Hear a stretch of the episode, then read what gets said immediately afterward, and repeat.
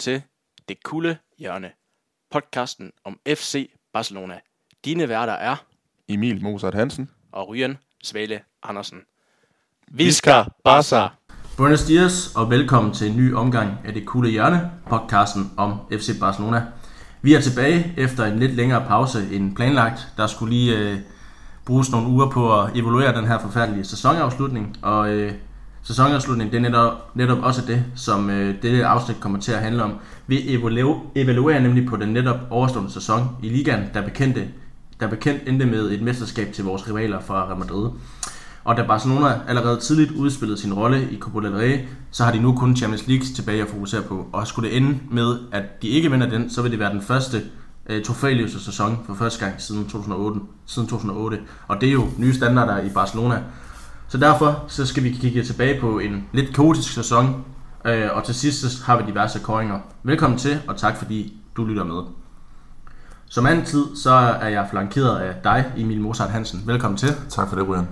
Øh, Emil, nu er det jo næsten en måned siden, øh, siden øh, sidste afsnit, og der er dermed sket en, en hel del, både i klubben, men også øh, på øh, spillersiden. Øh, og transfervinduet det vil åbne snart, så derfor er der gang i en masse rygter, og vi plejer jo at køre med det her faste element, der hedder rygtebørsen. Øh, så derfor har jeg taget en masse rygter med til dig i dag, øh, og der er også flere rygter, end dem jeg har taget med, men jeg har ligesom taget de vigtigste med. Så jeg tænker, at øh, vi starter med at varme op på det. Er du klar på det? Det kan du tro. Super, fordi at øh, de sidste afsnit, der har vi diskuteret meget den her Arthur Pjanic handel der var, og øh, siden sidst, øh, så var der et par dage efter vi har optaget, så blev den jo officielt, at, øh, at Arthur han øh, efter sæsonen her skifter til Juventus. Øh, Juventus har smidt, jeg tror det er 70 til 80 millioner euro for at få den 23-årige brasilianer, mens Barcelona i samme og, øh, hvad hedder det, ombæring får øh, Miriam, Miriam Pjanic ind fra Juventus, den 30-årige midtbanespiller, som man så betaler omkring 60 millioner euro for. Øhm, vi snakkede om sidste gang, at det var, det var lidt mærkeligt, sådan rent sportsligt øhm, at sælge Arthur. Nu, nu bliver den så officiel, og vi startede jo med at sige, at det troede vi ikke på at skete, og så udviklede det sig derefter. Nu, nu blev det så officielt. Hvad skal vi tænke om handlen? Jamen, øh, som du siger, så, øh, så blev det officielt efter øh, en masse rygter i, øh, i medierne. Og øh, det var jo ikke lige det, som vi havde håbet på. Øh, som vi har nævnt flere gange, så, så er det en 23-årig midtbandspiller, der blev byttet ud med en, en 30-årig midtbandspiller. Og vi vil jo gerne have, at nogle af de her alderspræsidenter i FC Barcelona, jamen de bliver skiftet ud med nogle lidt yngre spillere, så i forhold til det, så, øh, så er det ærgerligt, at man siger farvel til, til Arthur for, for Pjanic ind. Men hvis vi skal kigge frem mod den nye sæson, hvor vi får Pjanic ind i truppen, så bliver det spændende at se, hvordan han øh, får stemplet ind på det her FC Barcelona-hold. Spillemæssigt øh, og spilletypemæssigt, jamen der er han jo en spiller, der passer fint ind i FC Barcelona. Øh, spørgsmålet er bare, øh, om han kommer til at slå til i, øh, i spansk fodbold, fordi han har jo kun erfaring fra den italienske liga, så, øh, så jeg glæder mig til at se Pjanic, og jeg er også øh, spændt på at se, hvordan han kommer til at gribe det hele an. Og hvis man skal tage lidt af, lidt af det her ud af handlen, så øh, altså, havde, havde man fået øh, 70-80 millioner euro alene bare for Arthur, jamen, så tror jeg hverken dig eller mig havde, havde brokket os. Fordi skal man være lidt hård ved Arto, han, Arto, man kan se hans kvaliteter, men der har været lidt for langt mellem snapsene i Barcelona, og han har tit været skadet, eller så har han leveret en brandkamp, og så kampen efter har han, har han været lidt, øh, lidt ude. Men det, det er jo nogle gange det, man får med de her unge spillere. Hvorimod Pjanic for eksempel har nu spillet fast i Juventus i mange år i Roma. Han er stort set aldrig skadet, og han er stabil niveau. Så måske er, er det det, Barca har kigget efter, at de skal have en midtbanespiller, der kan gå ind og levere. Det har man ikke fået på samme måde med Arthur. Øh, er det det, du tænker, som har været, været en af hovedårsagerne til det her? Nej, jeg tænker, at det, det har været Juventus, der har været ivrig efter at få fat i, i Arthur, og, øh, og Arthur han har hoppet med på, på det her projekt, som øh, Juventus har lagt frem, og så har FC Barcelona ikke rigtig haft øh, nogen øh, anden løsning, end at øh, skulle få øh, Pjanic med den anden vej i forhold til, til noget økonomi, tænker jeg også fra, fra Juventus' side. Så, men det er rigtigt det, du siger. Arthur, det er ikke det store spil, han har vist frem. Altså, det har været i ganske små glimt, at vi har set de kvaliteter, som han besidder.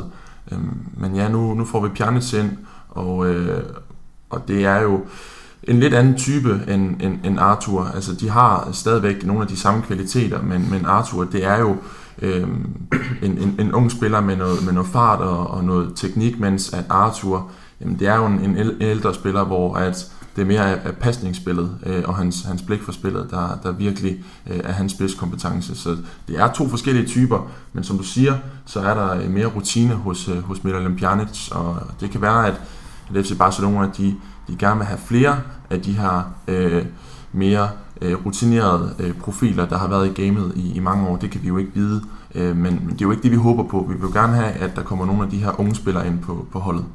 Og i forbindelse med skiftet, så var der ikke så lang tid efter, at øh, præsident øh, Bartomeu hørte var ude og, give et interview i, i, i den katalanske presse, hvor han lagde meget vægt på, at, at det var ikke kun det økonomiske aspekt, der har været det her om, at, at Barca øh, for at balancere de her udgifter i forhold til Financial Fair Play i år. Det var derfor, man egentlig solgte Arthur, det var fordi, så så det bedre på papiret, og så havde man egentlig råd til at måske hente nogle af de større stjerner her i det kommende transfervindue. Men han siger, at det var ikke kun på grund af det, det var, også en, øh, det var måske også noget med Arthurs øh, attitude og hans, øh, hans måde at være på, der havde gjort det. Han måske ikke altid er lige så dedikeret og lige så øh, sådan noget til at være fodboldspiller. Og det er jo ikke første gang, man ser det i Barcelona, at altså Barcelona, hvad hedder det, øh, Dembélé har jo også, Dembélé har jo også haft problemer med, med sin disciplin, og Neymar havde det også i sin tid, Ronaldinho havde det også i sin tid. Øhm, og seneste skud nu er jo så, at øh, Arthur han er rejst tilbage til Brasilien, hvor han holder sommerferie, og han nægter at spille for FC Barcelona igen.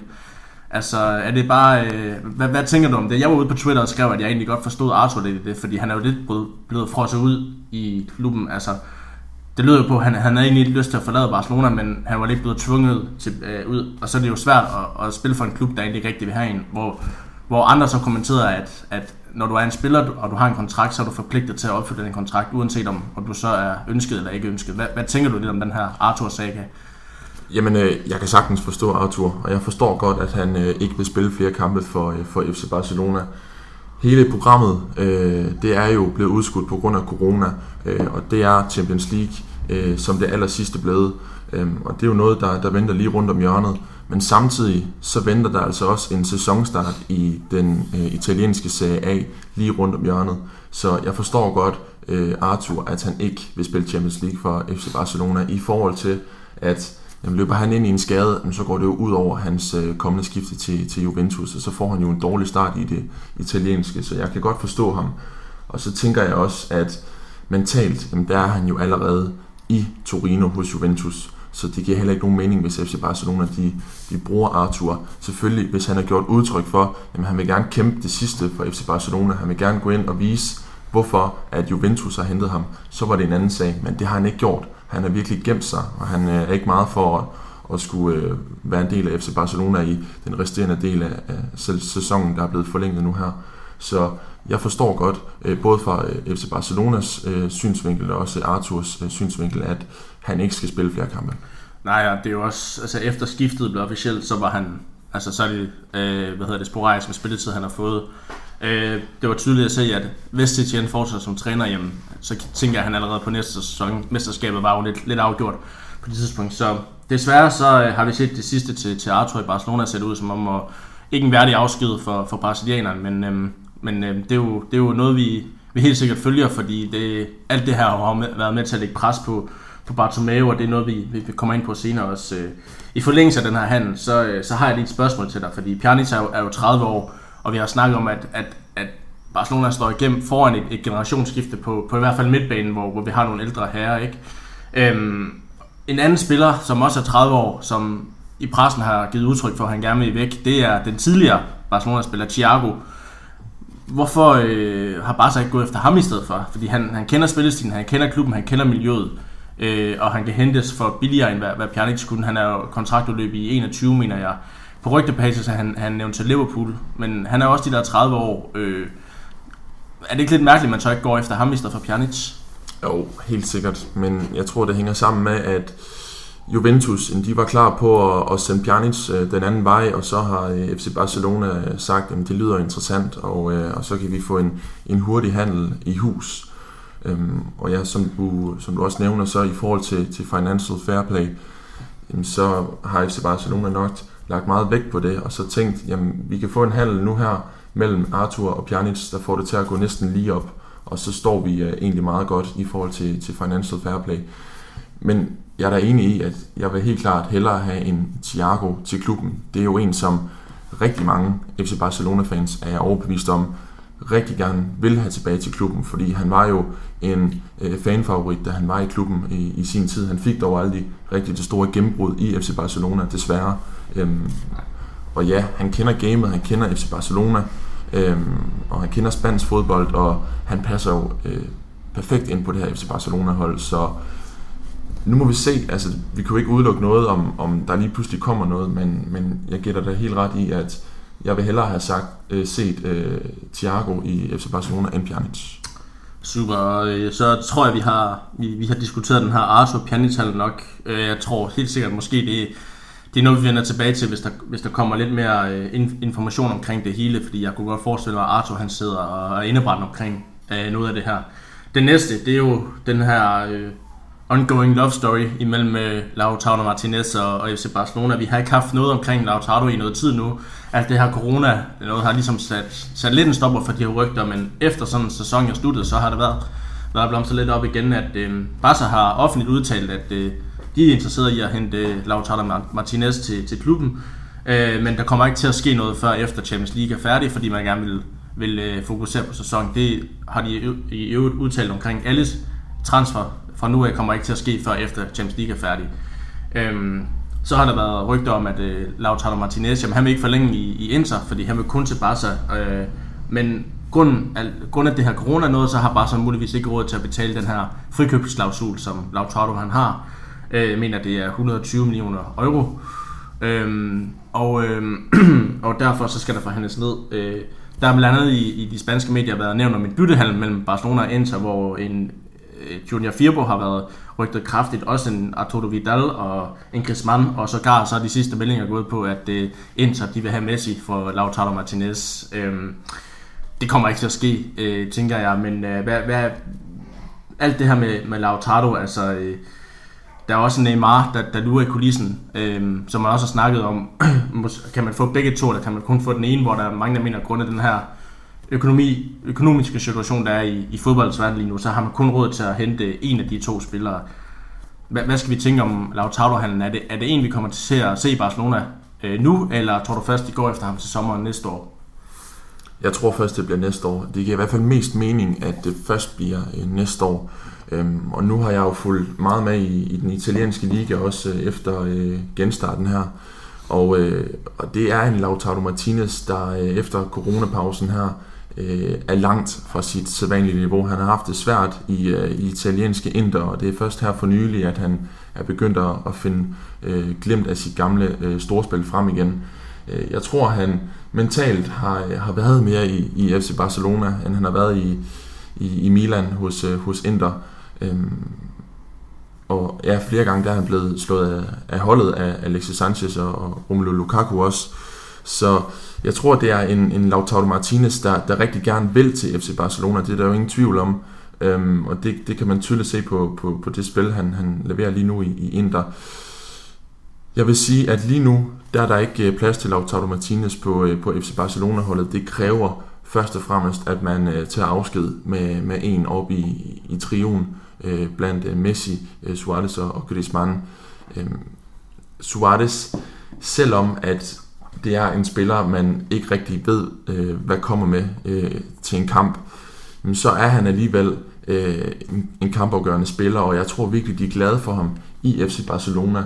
Så jeg tror ikke bare, at øh, Lautaro Martinez han kan komme til FC Barcelona og så slå øh, Suarez af, øh, og jeg tror heller ikke, at han kan slå Griezmann af, øh, fordi hvis han kommer til FC Barcelona og slår Griezmann af, jamen så er det jo et, et klokkeklart statement om, at FC Barcelona, jamen de har jo lavet en øh, forfærdelig handling på transfervinduet ved at hente Griezmann, øh, og så ser FC Barcelona jo lige pludselig rigtig dum ud, efter de har smidt så mange penge for Antoine Griezmann, og ikke har fået ham integreret ind på det her FC Barcelona-hold.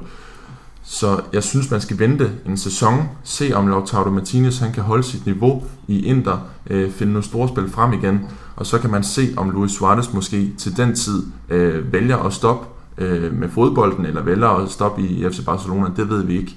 Men, øh, men nu må vi se, hvad, hvad der kommer til at ske for mig. Der, øh, der giver det i hvert fald mest mening, at det først bliver til øh, næste sæson. Åbner det så op for, at øh, Barca måske i stedet for går all in på, på Neymar, Øh, for det har der været rygter om. Øh, også igen, at, at Neymar igen denne sommer øh, presser på for at skifte tilbage til, til FC Barcelona. Jeg kender din holdning til Neymar. Jeg har en holdning til Neymar. Øh, jeg vil bare, jeg synes med alt det, der har foregået i Barcelona de sidste måneder efter, efter det her, man skifter til Chichen, det virker måske ikke. Øh, Messi er blevet sat alene omkring det. Jeg synes, at altså, selvom det piner mig at sige, så mangler Barcelona simpelthen en eller anden, der kan gå ind og overtage for Messi, og mangler den her stjernespiller, og jeg kan ikke se andre end Neymar, der kan gøre det, og det piner mig at sige det, men, men lige nu, så, så vil jeg sige, at Neymar er lige præcis det, der kan gøre, at Barcelona måske igen kan kæmpe med om, om Champions League og, og, og La Liga, lige som situationen er lige nu i Barcelona. Jeg er enig. Altså, der mangler noget kvalitet op foran hos FC Barcelona. Øh, der mangler bare en spiller, der der virkelig kommer med det her ekstra. Altså det ved vi jo, det får vi fra Messi. Det, det gør vi jo hver sæson, og det gør vi også selvom, at, at resten af FC Barcelona-holdet ikke leverer. Jamen, så kommer der altid noget magisk fra Messi. Men Suarez og Griezmann, de har været meget tøvende for dem i den her sæson. Vi har ikke rigtig set noget kontinuerligt godt spil for dem. Øh, Suarez bliver ramt af en skade, det, det ødelægger hans rytme lidt. Han har egentlig scoret fint øh, antal med mål, øh, det kan man ikke klandre ham for men alligevel, han mangler den sidste skarphed, øh, der gør, at han virkelig kommer op og måske kandiderer til at blive topscorer i, øh, i den spanske øh, række, fordi det kunne han sagtens blive, hvis bare han scorede på alle hans chancer. Så jeg synes tydeligt, man kan se på Suarez, at han er ved at blive gammel, og han mangler den der finish der i hans angrebsspil. Og så er der Antoine Griezmann. Øhm, jeg synes, det, det blev bedre her efter øh, coronapausen. Øhm, han kom bedre ind på FC Barcelona-holdet. Men Griezmann, det er en spiller, der skal lave mål, og det er en spiller, der skal ligge i toppen af, af topscorelisten i, i La Liga, som han gjorde i Atletico Madrid. Og det kan han ikke, når han ligger ude på den her venstre kant. Øhm, han fik chancen inden centralt øhm, i fraværet af Suarez i, i nogle af kampene her efter coronapausen, og det så fint ud. Men Griezmann, han er for alvor ikke kommet ind på det her FC Barcelona-hold, og, og det ærger mig utrolig meget. Så jeg er inde i, at der mangler noget kvalitet op foran. Men om det skal være Neymar, jeg ved ikke, om, om, om det er den rette spiller. Øhm, det må jeg bare være ærlig at sige. Selvfølgelig Neymar, det, vi ved jo, hvad han kan, og det er jo en verdensklasse spiller. Men om han skal tilbage til FC Barcelona, det er ikke noget, jeg, jeg føler for er det rigtige. Øhm, også fordi selvfølgelig den franske liga har været øh, lukket ned i, i godt stykke tid nu, og, og sæsonen er, er forbi. Det er lang tid siden, vi har set ham. Men jeg synes også bare, at, at det er en spiller, der, der trækker for mange overskrifter. Han er for meget en, en diva til FC Barcelona. Det ved jeg godt, det er hårdt sagt, men jeg synes bare ikke, at det er en spiller, der passer til FC Barcelona. Øhm, vi vil gerne have spillere, der, der trækker gode overskrifter ind på banen, men Neymar, der er bare for meget i baglandet til, at Neymar også kommer til at trække overskrifter uden for banen, og, øh, og det er ikke det, som jeg gerne vil se FC Barcelona.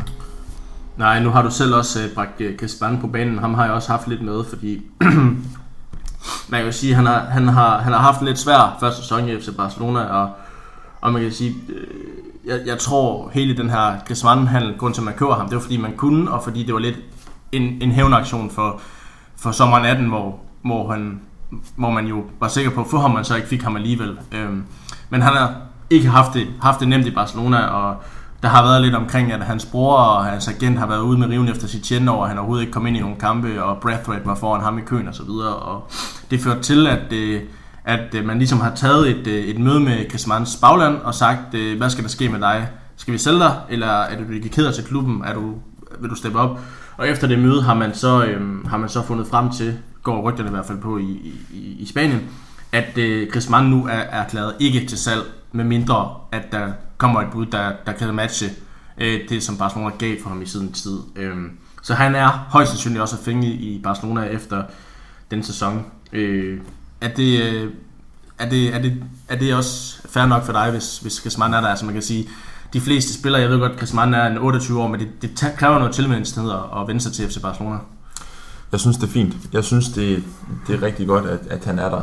Øhm, fordi, som jeg også nævnte, jamen, så ser det bedre ud i forhold til at komme ind på det her FC Barcelona-hold, og Setien, han, han rystede posen i, øh, i kampene her efter, øh, efter genstarten, og, øh, og når FC Barcelona de kører det her system, der hedder 4-3-1-2, hvor det er Messi, han lægger sig ned bag Suarez og, øh, og Griezmann, jamen, så er der meget mere plads til Griezmann, og øh, han kan komme op og spille den her øh, angriberplads, som han jo øh, er født til at spille, havde jeg nær sagt. Øhm, så Setien, han har fundet en eller anden opskrift på, hvordan man skal få Griezmann ind i, øh, i, øh, i kampene. Det er ikke ved at spille 4-3-3, hvor han ligger ude på venstrekanten, men det er ved at sætte Messi øh, ned bag øh, Griezmann og, og Suarez, der så ligger op foran. Så jeg håber, at det er noget, FC Barcelona de kommer til at køre med, øh, også i, øh, i næste sæson, øh, fordi det var for alvor her, at vi så øh, Suarez og, og Griezmann, og så synes jeg også, det klæder Messi, at han har den her øh, oplæggerrolle, som man har, når han kommer ned på en, en offensiv midtbane, der ligger bag øh, angriberne. Øh, Messi, han, han kommer til at dække endnu mere inde på, øh, på banen, øh, når han kommer derind, så den konstellation mellem de tre, den synes jeg rigtig godt om. Så øh, på den baggrund, der er jeg glad for, at, at Griezmann han øh, fortsætter i, i FC Barcelona. Super, og alt det her omkring øh, Griezmann, Neymar og Lautaro følger vi selvfølgelig tæt, for der, der kommer helt sikkert til at være en del rygter også. Øh, og jeg har stadigvæk nogle, nogle flere rygter til dig. Der har været en masse, øh, og øh, vi snakker jo som, øh, som tiden går ikke. Men øh, det næste jeg har, det er den østiske øh, landsholdsspiller David Alaba, som øh, i det seneste er blevet, øh, blevet rygtet til FC Barcelona. Der går rygter om, at han har tilbudt sig selv til Barca.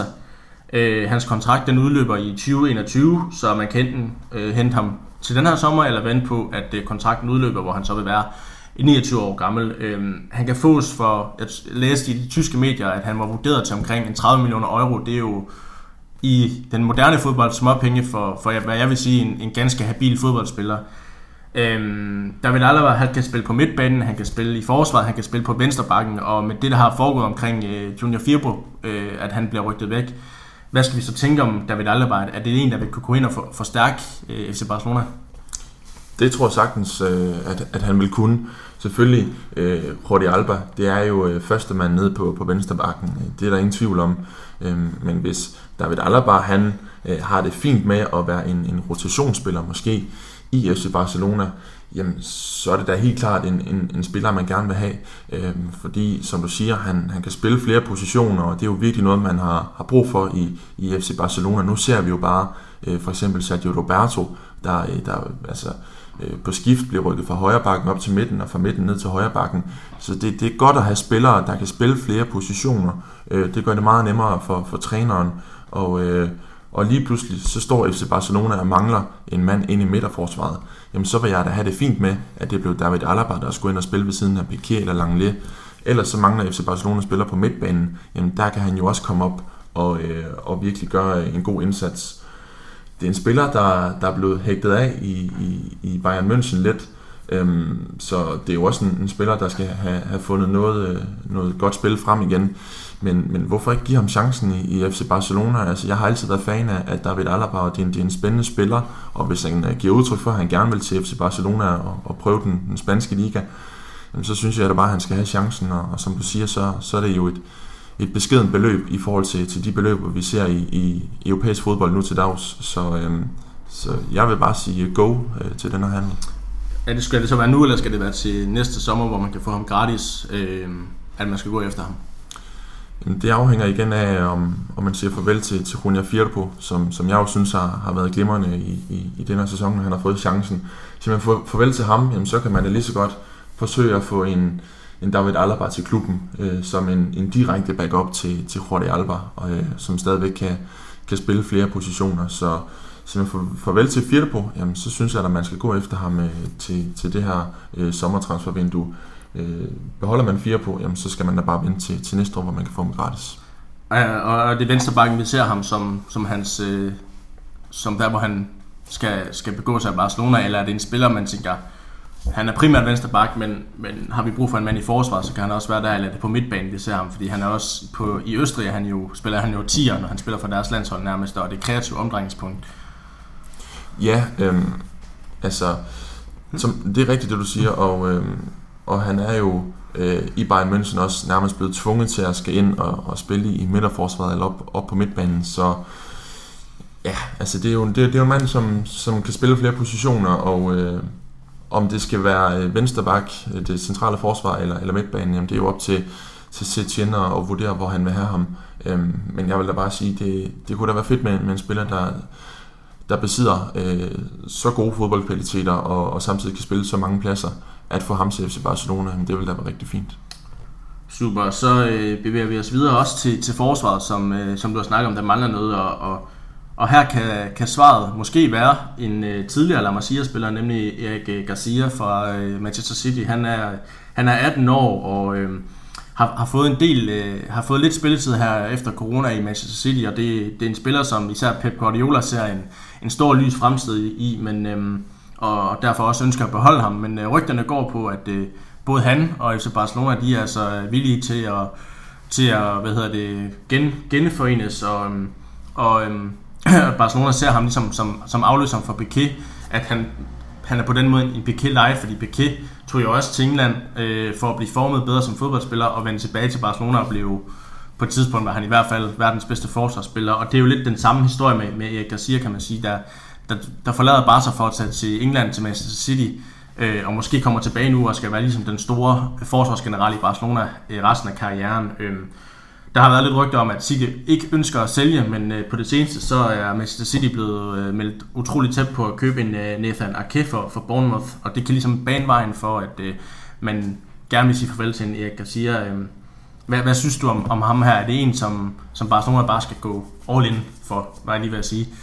Ja en ung, øh, talentfuld øh, forsvarsspiller, der, der kan komme til, til FC Barcelona og, og være med til at, at starte en, en ny æra, som vi så gerne vil have, med unge spillere, der, der kommer ind og, og slår sig fast på, på FC Barcelona-holdet. Øh, det synes jeg, det vil klæde klubben rigtig meget. Også det, at man henter en, en gammel, øh, øh, eller tidligere La Masia, øh, spiller ind, jamen øh, det synes jeg da helt klart, at, at man skal gøre.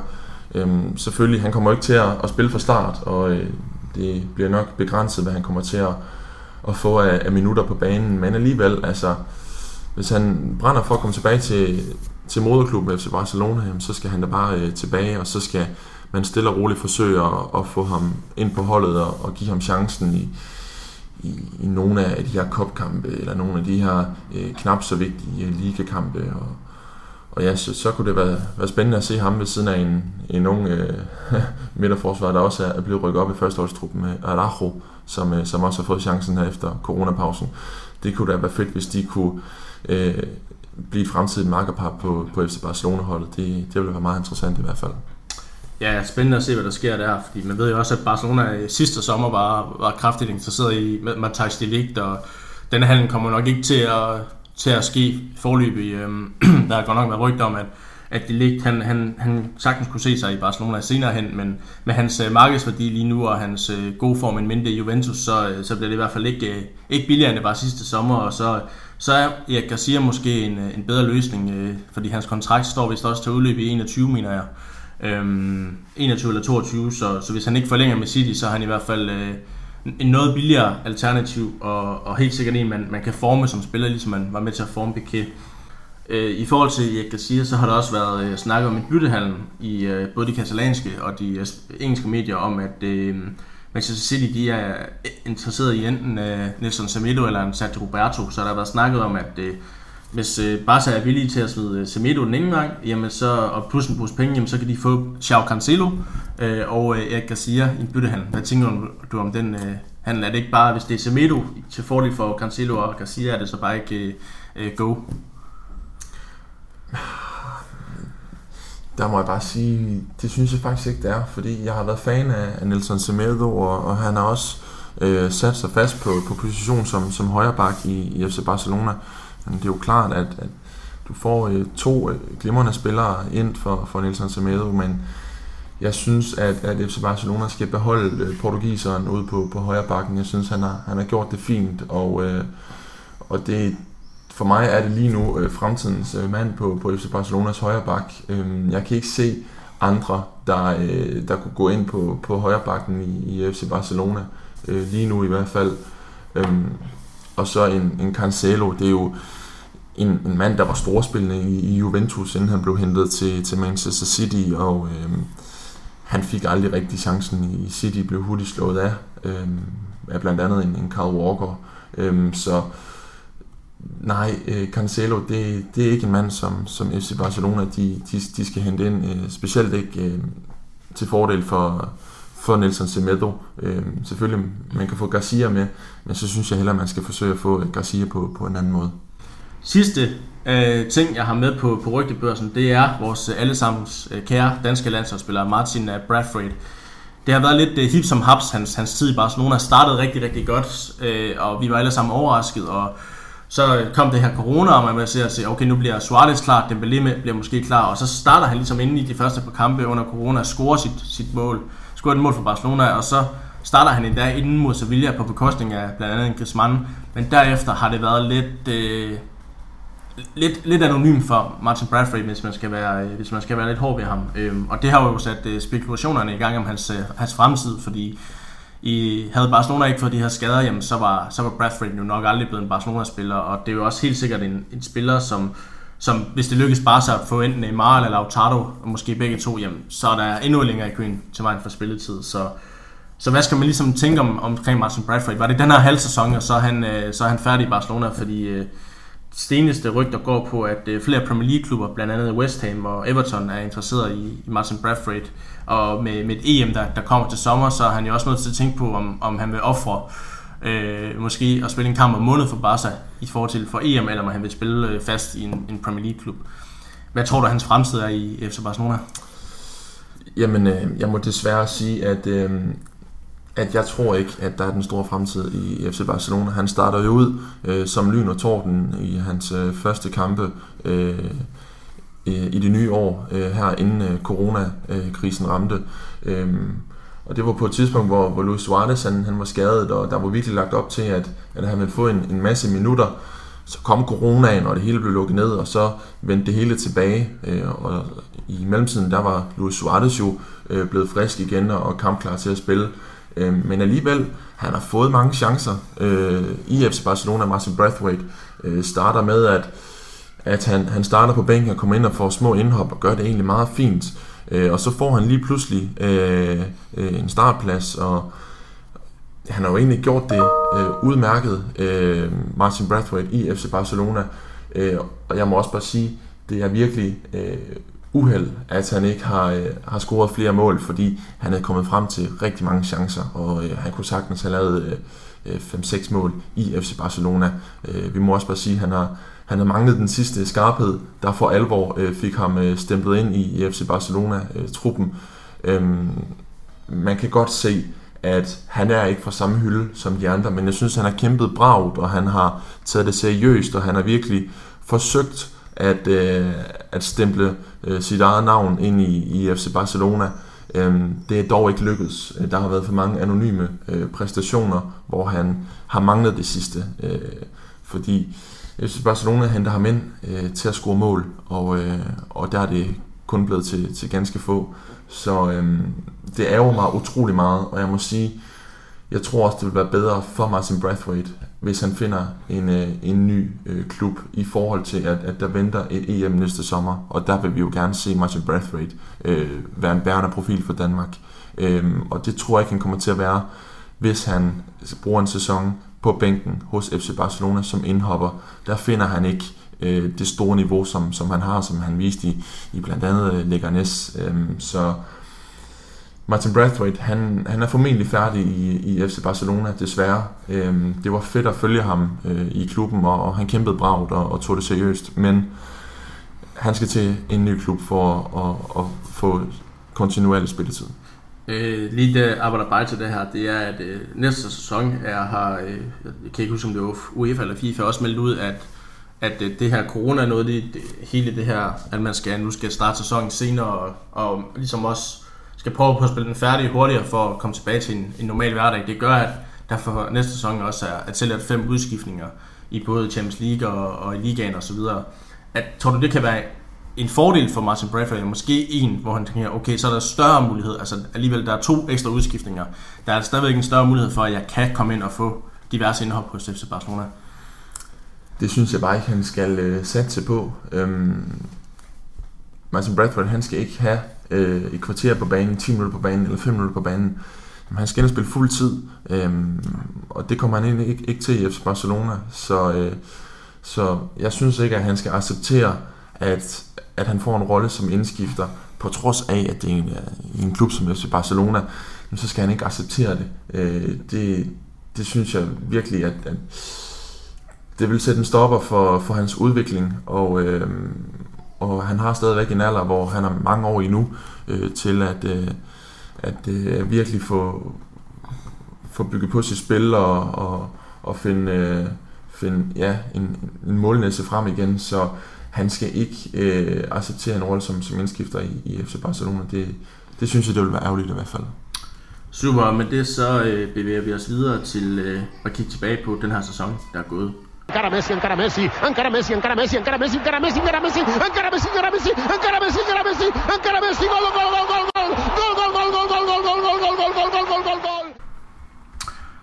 Emil, nu er det blevet tid til at kigge lidt øh, tilbage på, på den her sæson, som øh, i, i hvert fald i La Liga er, er overstået. En lidt øh, speciel sæson med, der har været længere end normalt, øh, grundet corona.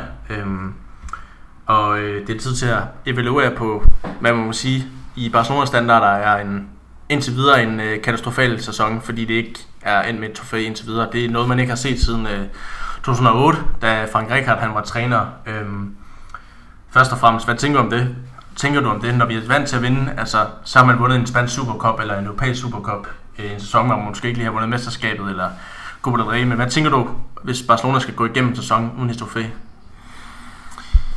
det, det er selvfølgelig ikke, øh, ikke acceptabelt øh, for, for FC Barcelona, men vi må også bare sige, det har været en meget rodet sæson, det her. Jeg synes ikke, der har været øh, styr på, på spillertruppen. Øhm, der kommer lige pludselig en trænerfyring og et trænerskifte. Øhm, der har været meget øh, kaos i, i FC Barcelona.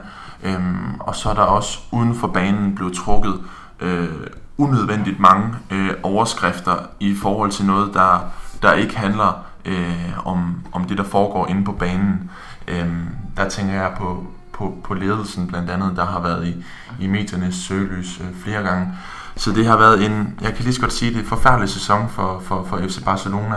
Øhm, det har været meget kaotisk, og der har ikke rigtig været, været styr på noget, og man har ikke bare kunne læne sig tilbage og så bare nyde fodbolden, øh, fordi spillemæssigt, der har det virkelig heller ikke øh, hængt sammen. Øh, det har kun været i, i ganske få glemt. Øh, Øhm, man fyrer jo en, en Ernesto Valverde, som, som jeg mener øh, er en korrekt øh, fyring. Der var simpelthen ikke øh, mere i tanken hos ham. Han, han fik en lang snor til at at få, få forvandlet det her FC Barcelona-hold til, til noget ekstraordinært, men det, det kunne han simpelthen ikke. Øh, og så henter man jo en, en Kike Setien, som, som mange FC Barcelona-fans, i hvert fald de fleste, øh, var begejstret for at komme ind. Øh, kom fra øh, Real Betis, og, og spillemæssigt, jamen der var han jo øh, øh, en til en den, den perfekte træner for, for FC Barcelona, men vi må også bare sige, at, at Setien, han er heller ikke øh, lykkedes. Øh, han, han er også dumpet i, i, i min bog. Øh, det, det gør han jo, når, når FC Barcelona taber mesterskabet, og, og samtidig også taber Copa del Rey, jamen, så er det jo klart, så, så dumper man. Øh, og han, han har ikke fået implementeret sit, sit spil i FC Barcelona-truppen, og jeg tror bare, det hænger sammen med, at det er en rodet spillertrup lige nu, og det er svært at finde hoved og hale i, øh, hvad der egentlig øh, er, det, er det rigtige i FC Barcelona, hvad, hvad der ikke er det rigtige øh, spillemæssigt. Så alt i alt, så, så har det været en, en, en forfærdelig sæson, og der venter virkelig noget at arbejde i forhold til at få det vendt til næste sæson, fordi jamen lige nu, jamen der er spillertruppen jo næsten den samme, øh, og det er stadigvæk Setien ved roret, og det er stadigvæk med den samme ledelse. Så jeg er spændt på at se, øh, hvad de kommer til at ændre til næste sæson, fordi der er virkelig meget på listen over ting, der skal gøres anderledes. Nu har du allerede åbnet for, for trænerskiftet. Det var egentlig først noget, jeg ville snakke om, når vi havde evalueret på sæsonen, men nu, nu tager vi det nu, øh, fordi som du sagde, så øh, ganske unormalt i Barcelona, så laver man en trænerføring midt i sæsonen. Det, øh, jamen, jeg kan ikke engang huske min tid som Barcelona-fan, at, at det er sket, at en, en træner er, er blevet opsagt i løbet af sæsonen. Øh, seneste trænerføring i Barcelona var jo sådan set Rijkaard, øh, men han blev fyret efter sæsonen.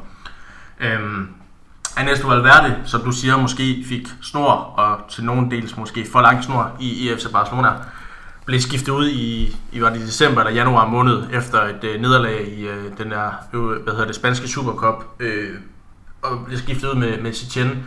Øhm, man kan sige, på det, på det tidspunkt, der lå Barcelona nummer 1 i La Liga, to point foran Real Madrid så ti- og, og, vi snakker om, at timing og måden, det blev gjort på med, med Valverde, måske var, var unødvendigt og, og, og lidt mærkeligt.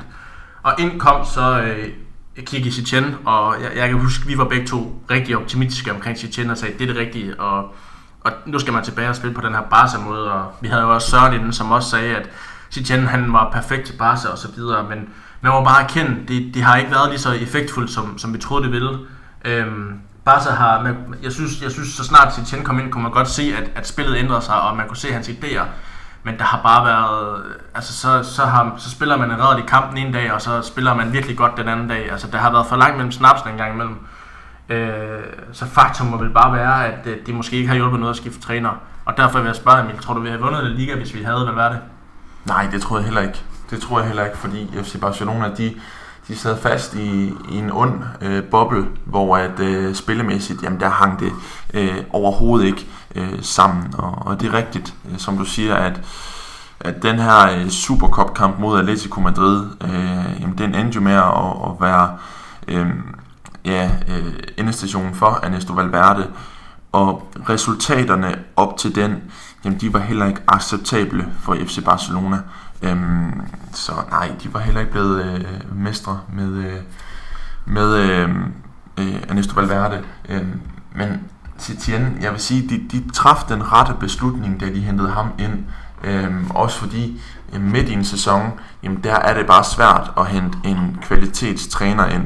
Selvfølgelig, øh, Xavi, han var over på vende, øh, men han var ikke klar til opgaven på daværende tidspunkt. Øhm, og det var måske den eneste, øh, som, som, som jeg synes øh, kunne have, have været en, der, der skulle gå ind og, og tage over som, som træner. Øh, det blev Setien, men han har aldrig rigtig lykkedes med, med hans øh, projekt, og øh, han har forsøgt, og han har, han har leget lidt med, med spillertruppen, men han har ikke for alvor fundet øh, ud af, hvordan at FC Barcelona-holdet skal spille, så når man øh, gang på gang leverer godt spil, Øhm, så det, den, den kode, den mangler han stadigvæk at knække.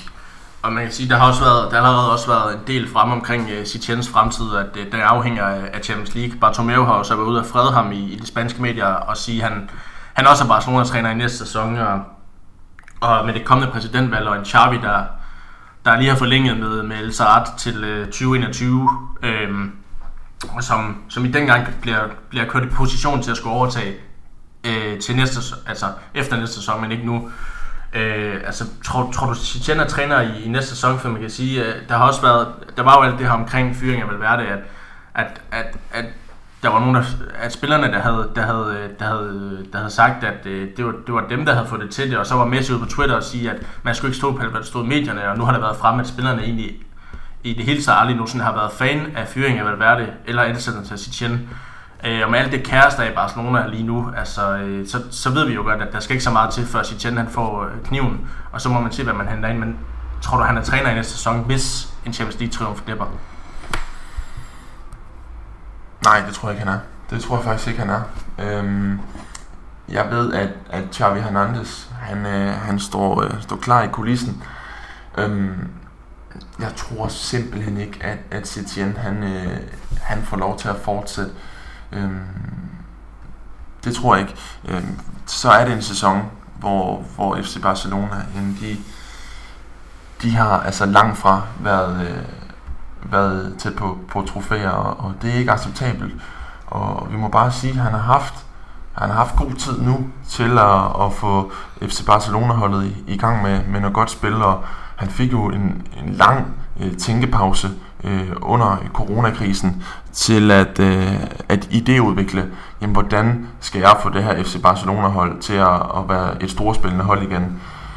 Og de tanker og idéer, som, som han tog med fra, fra den øh, tænkepause, jamen øh, det fik aldrig rigtig udfoldet sig på, på banen. Øh, og, og taber man Champions League, det afhænger selvfølgelig af, hvordan det kommer til at ske.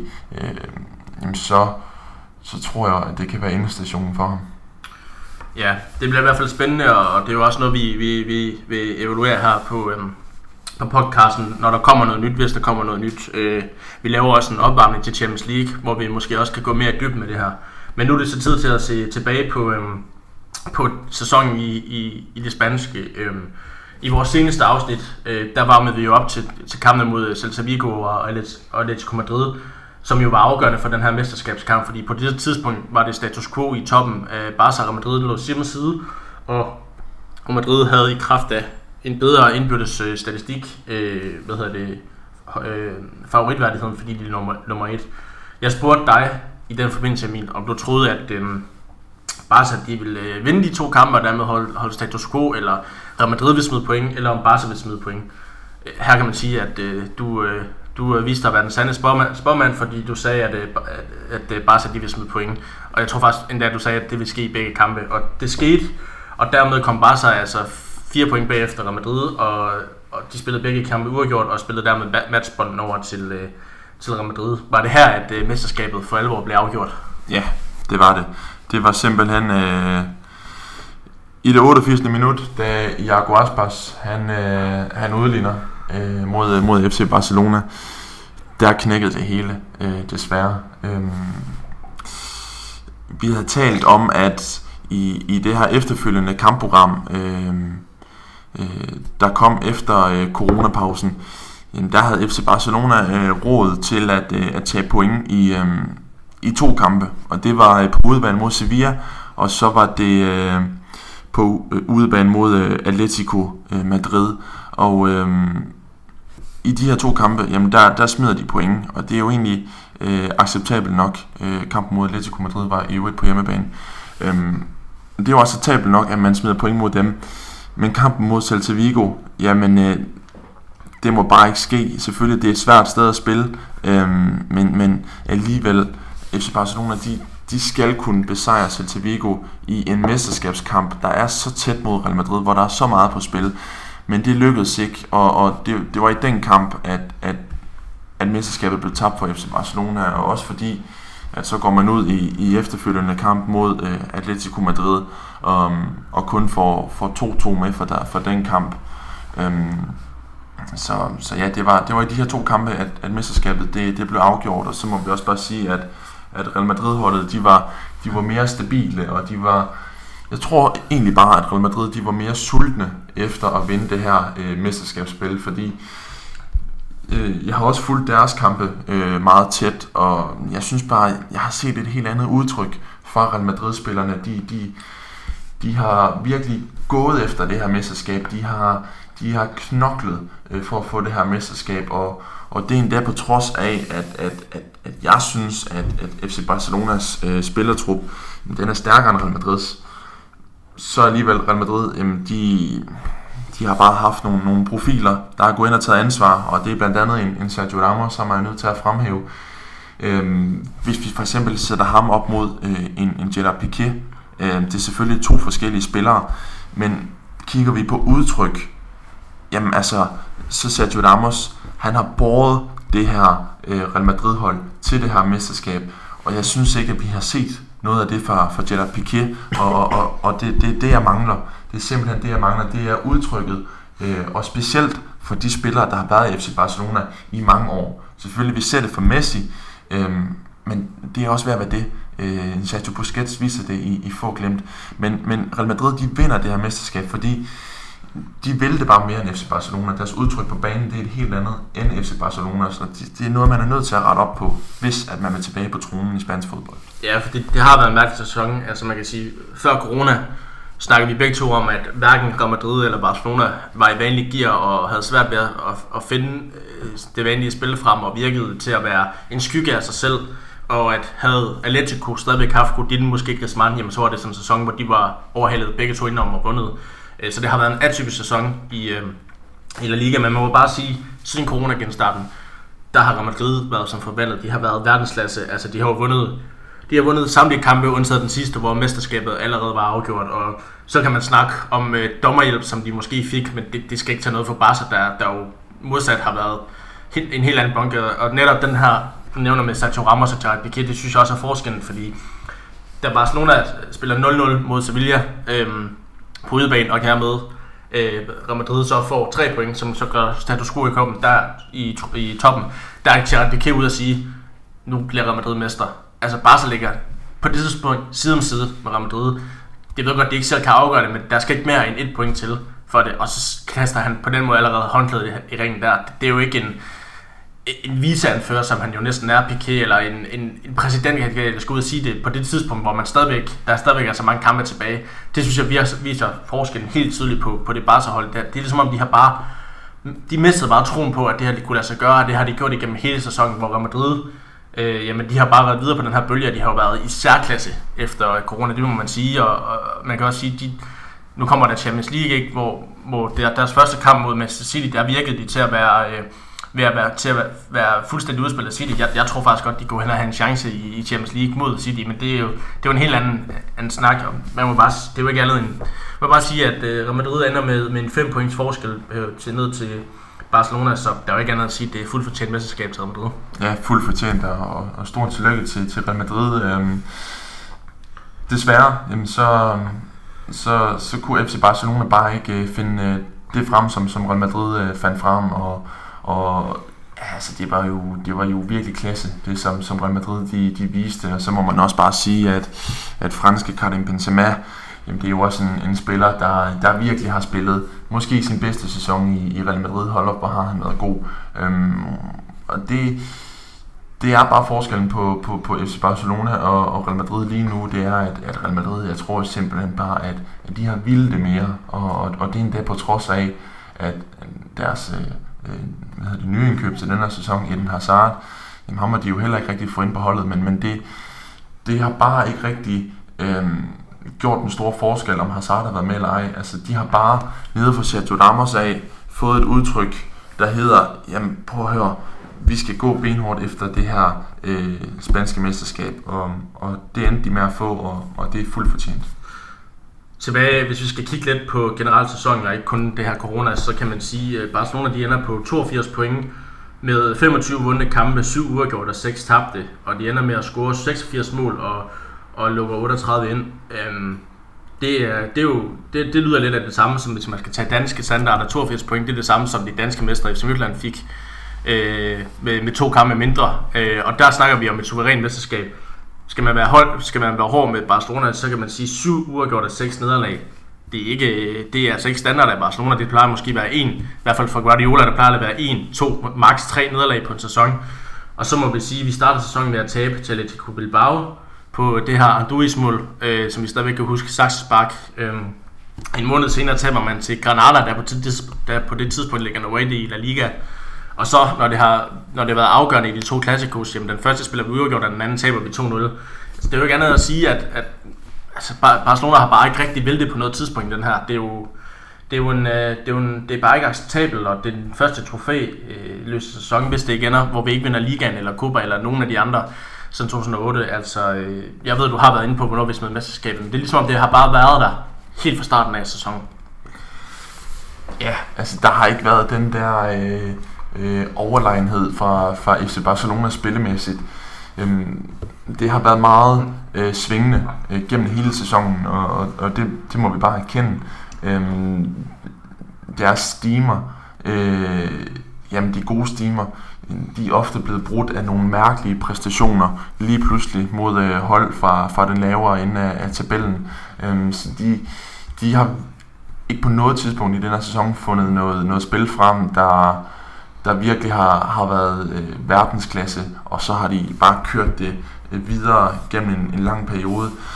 Så ja, altså det, det hænger sammen med, at, at selvfølgelig trænerskiftet har, har påvirket det hele, men, men vi må også bare sige, at øh, den nuværende FC Barcelona-trup, den er rodet, og der er stadigvæk tvivl om, hvordan de skal spille, øh, når det er, at man har Griezmann, Suarez og, og Messi op foran. Og, og hvem ved, om, om det simpelthen er et formationsskifte, der skal til i, i FC Barcelona. Altså, vi har jo set øh, blandt flere klubber gennem tiden, at jamen, man kører simpelthen død i, øh, i ens øh, foretrukne formation. Øhm, så det kan godt være, at, at den ikoniske 4-3-3, jamen, den skal skiftes ud med noget nyt, og så skal FC Barcelona prøve øh, noget helt nyt til, til den nye sæson, fordi det er flere sæsoner i træk nu, hvor at det ikke har kørt øh, 100% på, på skinner.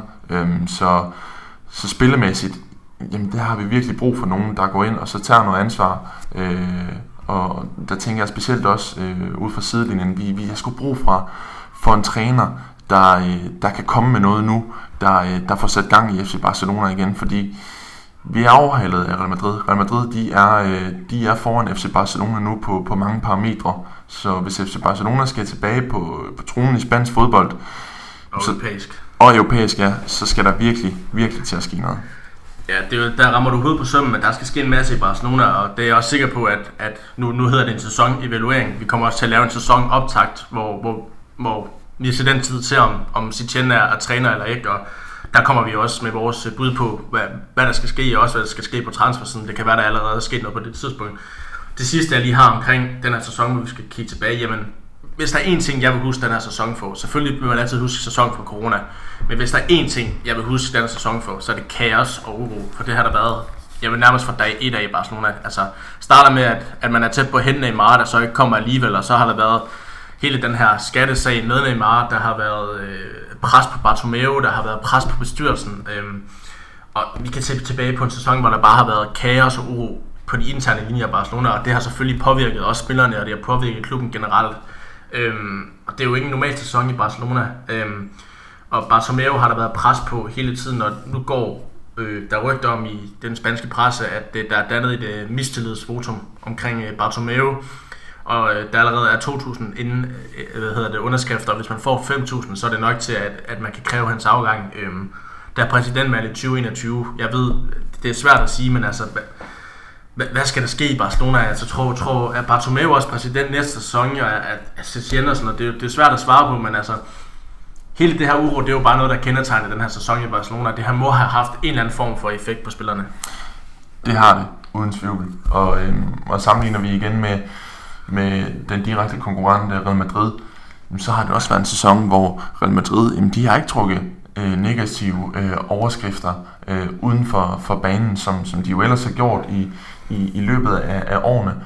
Det har FC Barcelona sørget for i, i denne øh, sæson, og den her uro, som ledelsen har skabt, jamen, den har jo øh, uden tvivl også øh, bevæget sig ind på, på træningsbanen og, og øh, i FC Barcelona-truppen, når, når de skulle spille kamp.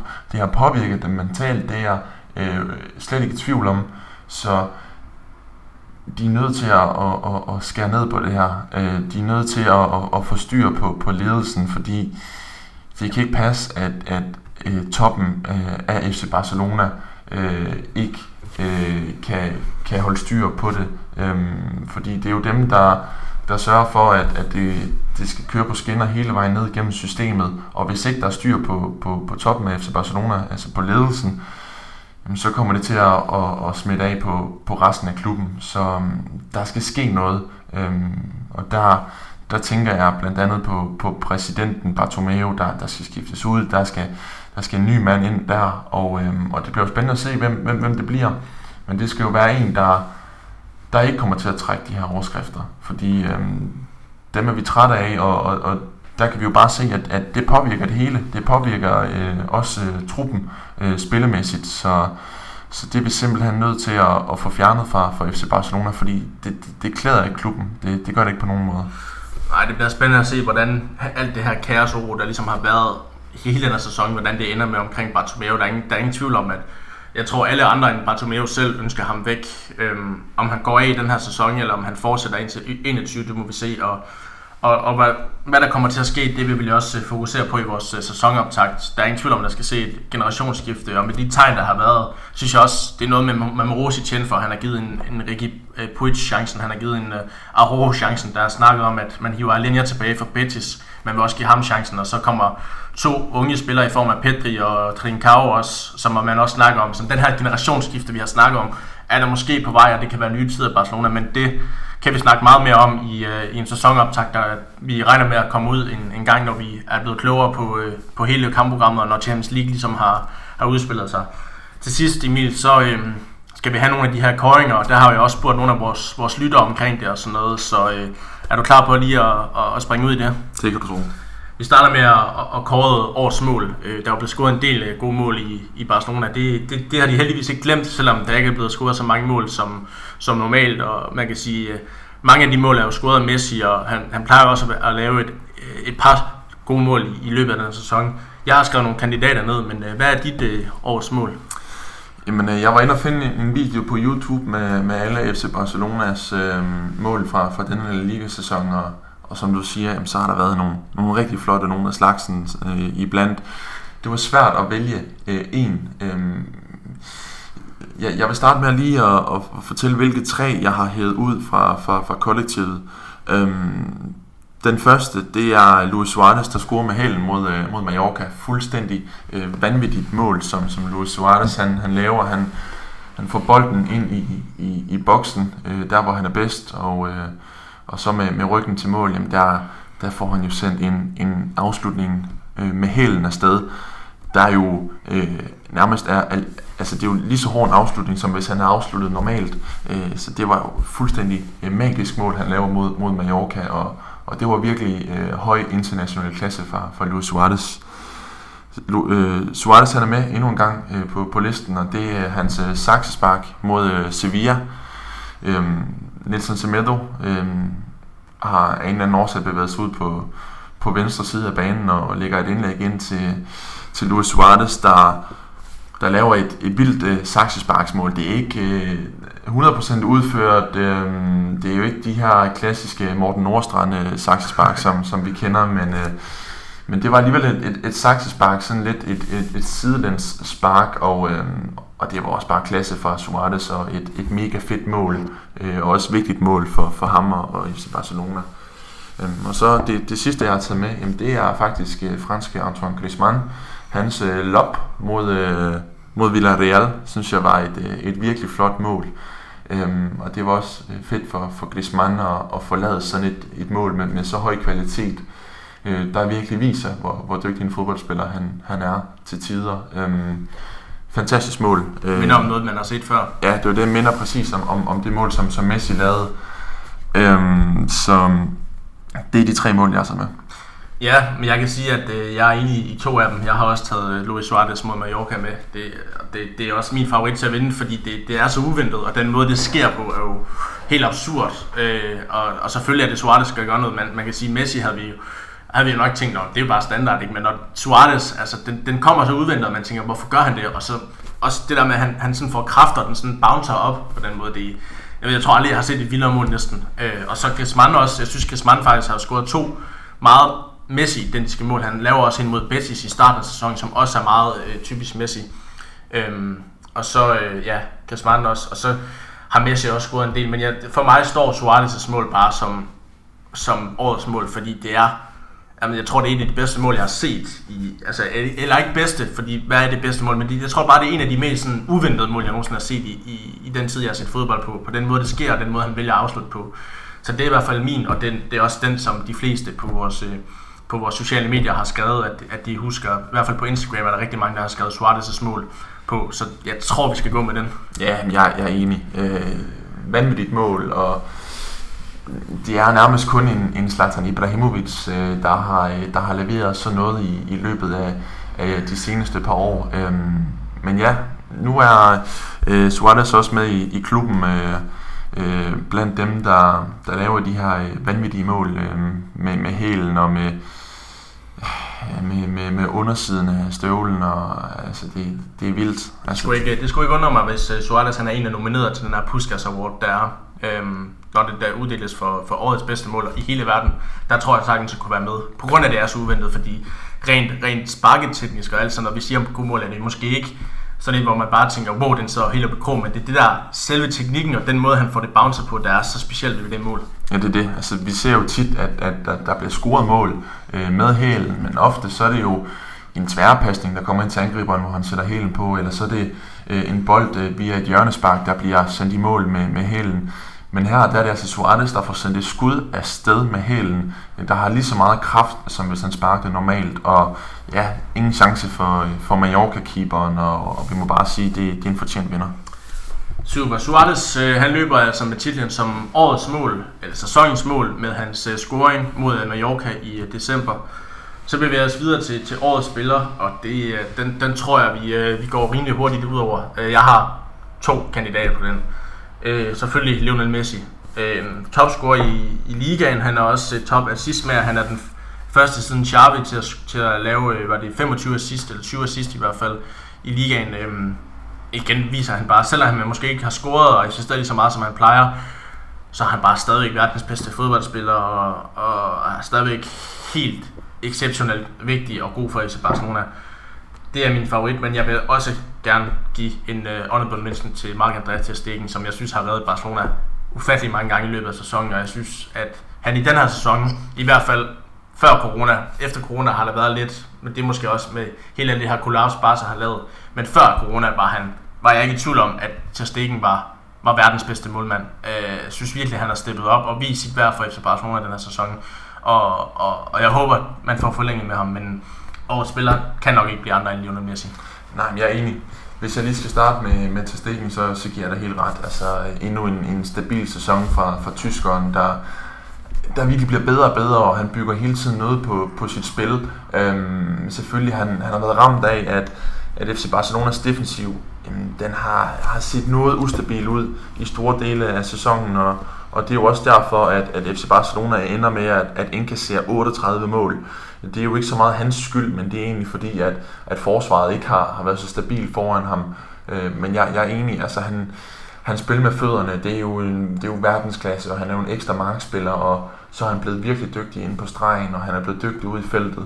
Øhm, så man kan tydeligt se, at han, han bygger på, og, og så må vi jo bare håbe, at, at han har lyst til at, at, at forlænge med, med FC Barcelona. Der, der går jo en masse rygter om, at, at så skal han til Tyskland, og så skal han til England, og nu, nu må vi se, hvad det ender med. Vi, vi håber selvfølgelig på, at, at han bliver, fordi at han er uhyre vigtig for, for FC Barcelona-holdet. Øhm, men ja, årets spiller for mig også, øh, Lionel Messi, altså som, som vores følger også har skrevet, så, så taler statistikkerne for sig selv. Altså 25 øh, ligamål og 21 liga-assist, altså det er jo, det er jo helt vildt. Altså, og, og Lionel Messi, der bliver ældre og ældre, han bliver ved med at levere.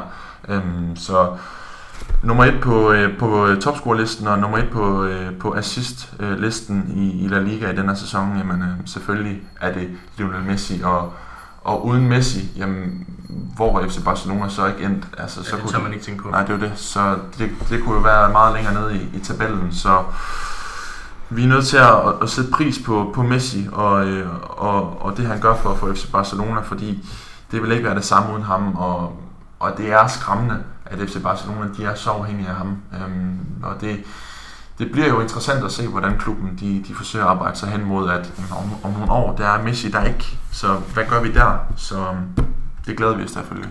Ja, og det, det man kan sige, når man har verdens bedste fodboldspiller i truppen, og måske en af de bedste spillere nogensinde, øh, så er det svært at komme ud om ham, når han, når han sæson efter sæson leverer, som han gør om året spiller. Øh, jeg kan sige, den, den sæson, hvor, hvor han var ude, hvor, hvor Neymar blandt andet blomster op, der kan man snakke om Neymar, men, men så, længe, så længe der ikke er nogen, der træder i kraft på samme måde, som Messi gør, så, så er det svært. Altså, det er derfor, jeg siger, at til vil nok... Altså, havde Messi ikke været der, var der ingen tvivl om, det var til men, men ellers så synes jeg, det, det er kun de to, der har leveret det vanlige i den her sæson. Frank de Jong kan man også nævne om, måske har, har været okay, men, men, men det, man kan bare ikke komme ud om Messi. Nej, det, det, det kan man ikke. Altså, det, han, er, han er en klasse for sig selv, og, øhm, og det, det siger vi jo hver sæson, men det er jo bare fordi, det, det er jo sådan, det er. Altså, øh, Messi, det, det er noget helt ekstraordinært, han, han kommer med, og, og han er jo historiens bedste fodboldspiller, det er der jo ingen tvivl om. Så vi skal bare nyde Messi, så lang tid han, han stadigvæk spiller. Så øh, sæsonens årets spiller for, øh, for La Liga i sæsonen i 1920 i FC Barcelona, den går til ingen gang når en Lionel Messi. Så er det øh, årets indkøb, jeg har skrevet, og der har du øh, nogle af vælge Der er en, en Neto, en øh, Firbo, en øhm, Frankie de Jong, en Martin Brathwaite, en øh, Antoine Griezmann. Øhm, og man kan sige, at fælles for dem alle er vel, at der ikke rigtig er nogen, der på sådan helt har, har, har virkelig øh, slået igennem og virkelig vist sit værd endnu. Øh, så det, det er sådan en, en calling, hvor, hvor, øh, hvor det hele er åbent, og så alligevel ikke. Fordi jeg synes egentlig, jeg synes alle har været, den eneste der sådan har været nogenlunde stabil og har vist et nogenlunde niveau, det, det må være Frankie de Jong øhm, som jeg synes er årets indkøb. Og så synes jeg, at hvis Martin Bradford var fortsat på samme måde, som han startede i FC Barcelona, så kunne han have fået prisen, men, men det halvår i klubben er simpelthen for lidt. Men fordi Griezmann ikke har slået til, fordi Firbo ikke rigtig har, har vist det 100%, jamen, så kan jeg ikke se andre end, end Frankie de Jong som, som årets indkøb. Ej, jeg er enig. Jeg er enig i, at det, det er Frankie de Jong. Øhm, han har, han har gjort det, det godt i sin, sin første sæson for, for FC Barcelona. Han, han har været stabil. Altså, det har ikke været ekstraordinært, det vi har set fra ham, men jeg synes alligevel, at han, han har faldet rigtig godt ind på, på holdet, og han er faldet godt ind i, i spansk fodbold. Øh, hans pasningsspil, jamen, det passer jo øh, eminent godt til, til FC Barcelona, så jeg er enig i, at, at det skulle være ham. Øh, på min anden plads, jamen, der har jeg en, en Runja Firpo, som, som jeg synes har, har gjort det fint i, i fraværet af, af Jordi Alba. Han, han har gået ind og, og, og, og taget initiativ på, på banen, og han har ikke været bange for at komme med frem og, og blande sig, når, når angrebene de skulle, skulle bygges op. Så, så han ligger på, på min anden plads øh, lige lidt efter øh, Frenkie de Jong, fordi jeg synes, at, at det er hollænderen, der, der, der har gjort det bedst. Og ja, så, så på min tredje plads, det må være en, en Antoine Griezmann. Altså, fandt noget frem øh, til sidst her, som, som giver os noget håb for, at, at han nok skal, skal komme ordentligt ind på det her FC Barcelona-hold. Øhm, og ja, hvis, hvis det var, at Martin Brathwaite han skulle op og ligge blandt øh, de bedste indkøb øh, i den her sæson, jamen, så skulle han have scoret på, på flere af sine chancer, og, og det gjorde han ikke. Øhm, havde han nu scoret på dem, jamen, så var han jo ind på de her 5-6 sæsonmål. Øhm, og på det halve år, øh, som han fik i FC Barcelona, så har det jo været mere end godkendt. Og så kunne vi snakke om, at Martin Brathwaite var et vellykket indkøb for FC Barcelona og var årets indkøb. Men han har ikke slået nok igennem, så, øhm, så det bliver Frenkie de Jong øh, for, for mit vedkommende. Jeg tror, at havde Bradford gået hen og scoret på den der chance, han har i El Clasico, øh, jamen, så, var han, så kunne man lige pludselig snakke om, ikke en legende-status i Barcelona, men så tror jeg, der var mange, mange flere positive vendinger, end der er lige nu. Men, men men hvis jeg lige skal hurtigt skal tage den af Griezmann, altså jeg vil heller ikke kalde øh, Griezmann en decideret flop i Barcelona, fordi på hans stats synes jeg egentlig, at han, han har gjort det okay. Han har scoret 15 mål i, øh, i sæsonen på, igennem alle turneringer, 9 mål i, i La Liga. Øhm, det, er jo ikke, det er jo ikke dårligt for en mand, der, der, der ikke helt ved, hvor han skal spille til. Øhm, det var det samme sæsonmål, som Neymar scorede sin første sæson i Barcelona.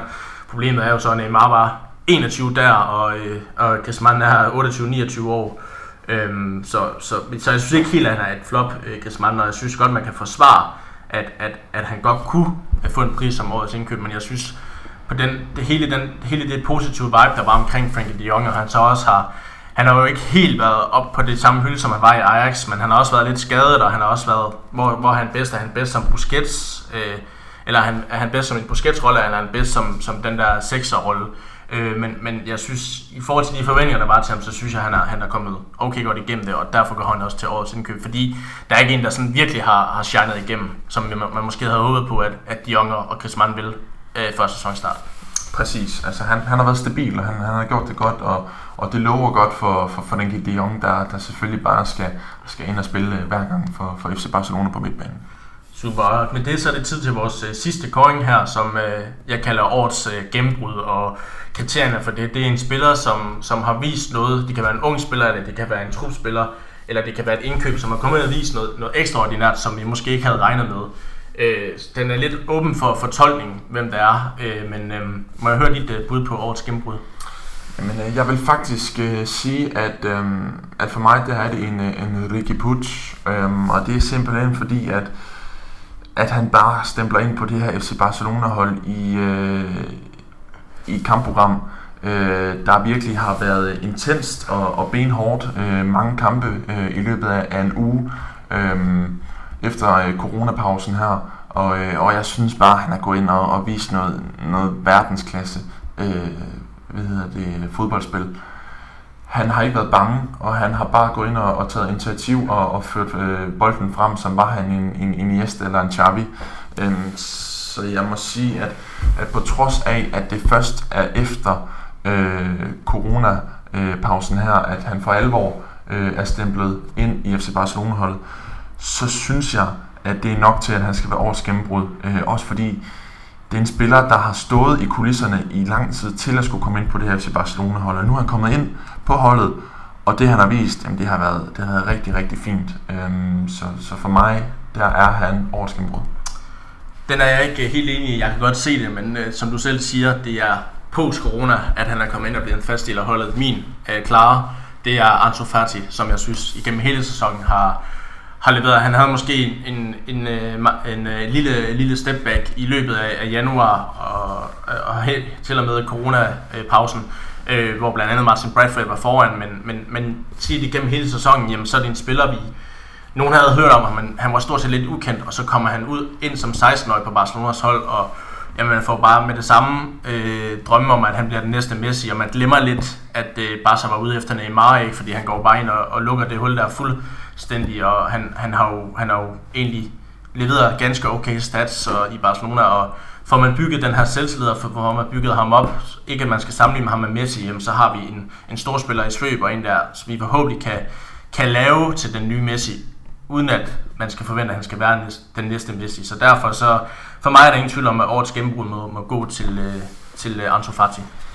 Jamen, jeg kan godt følge dig. Det, det har været en, en fornøjelse at, at, at følge Fati, og det er også en, en, en ung spiller fra, fra årgang øh, 02, der, der ikke er bange for at gå ind på, på Camp Nou og, og bare øh, gøre det, han er bedst til. Og, og det, det har virkelig været, det har været en kæmpe fornøjelse at, at, at følge ham i, i den her sæson, og han ender jo også med at lave syv øh, ligamål i, i La Liga, og det, det er sgu stærkt af en, af en 17-årig spiller. Øhm, men ja, altså for, for, for, for mig, der, der, der er det stadigvæk Ricky Puts, men, men jeg synes sagtens, at, at vi kan sætte de to sammen til at være årets øh, gennembrud i FC Barcelona, fordi jamen, de begge to, øh, specielt efter coronapausen, der er det virkelig de to, der har været øh, blandt de få lyspunkter på FC Barcelona-holdet. Øhm, og hvad kan man sige, det har jo også været, været i en tid, hvor, hvor, hvor det virkelig har spidset til, hvor der har været øh, mange ting, både på og, og ude for banen, og så er det simpelthen de unge spillere, der går ind øhm, og, og, og bryder igennem. Så, så jeg synes sagtens, at vi kan koble de to sammen til at være års gennembrud i FC Barcelona. Ja, det, den går jeg så med på, og så må jeg sige, også, også fordi det er ligesom i en, en sæson, som jeg snakker om, der har været så kaotisk, og hvor der har været så meget omkring, specielt midtbanen er gammel, og Barcelonas truppe er gammel, og en af de ældste trupper i europæisk fodbold, at, at, at der så to så unge spillere går ind og leverer sådan noget der, og det er hjemmeavlede spillere, og det er noget, altså lad mig sige, at spillere, der har slået igennem, er noget bare så har manglet i, i lang tid nu, og, så det er noget, der giver håb og optimisme omkring fremtiden, så, øh, så jeg går med på, at de begge to får den i, i det samme. Så Puig og øh, Fati kan, kan, kan sammen tage, tage um, prisen for årets gennembrud i hånden, og så øh, forhåbentlig kan de, kan de øh, bygge videre på det i næste sæson. Og med det så øh, er det også slut for, for, for det der afsnit i, i denne omgang. Øh, tak til dig, Emil. Ja, og lige måde, øh, Vi håber på at kunne vende tilbage i, øh, i næste uge allerede med en øh, optag til Champions League opgøret mod Napoli, og forhåbentlig også øh, de kommende kvartfinaler og semifinaler, selvom vi lige skal, ikke, selvom Napoli ikke bliver nogen øh, nem opgave, så håber vi kunne, kunne at på vende tilbage i, i næste, næste uge allerede. Øh, og ellers så øh, husk, du kan abonnere på os på, på iTunes, og husk at anbefale os til alle de Barcelona-venner. Du må også godt smide en anmeldelse i iTunes og en vurdering, så bliver vi rigtig glade. Øh, vi lyttes ved. Hej hej.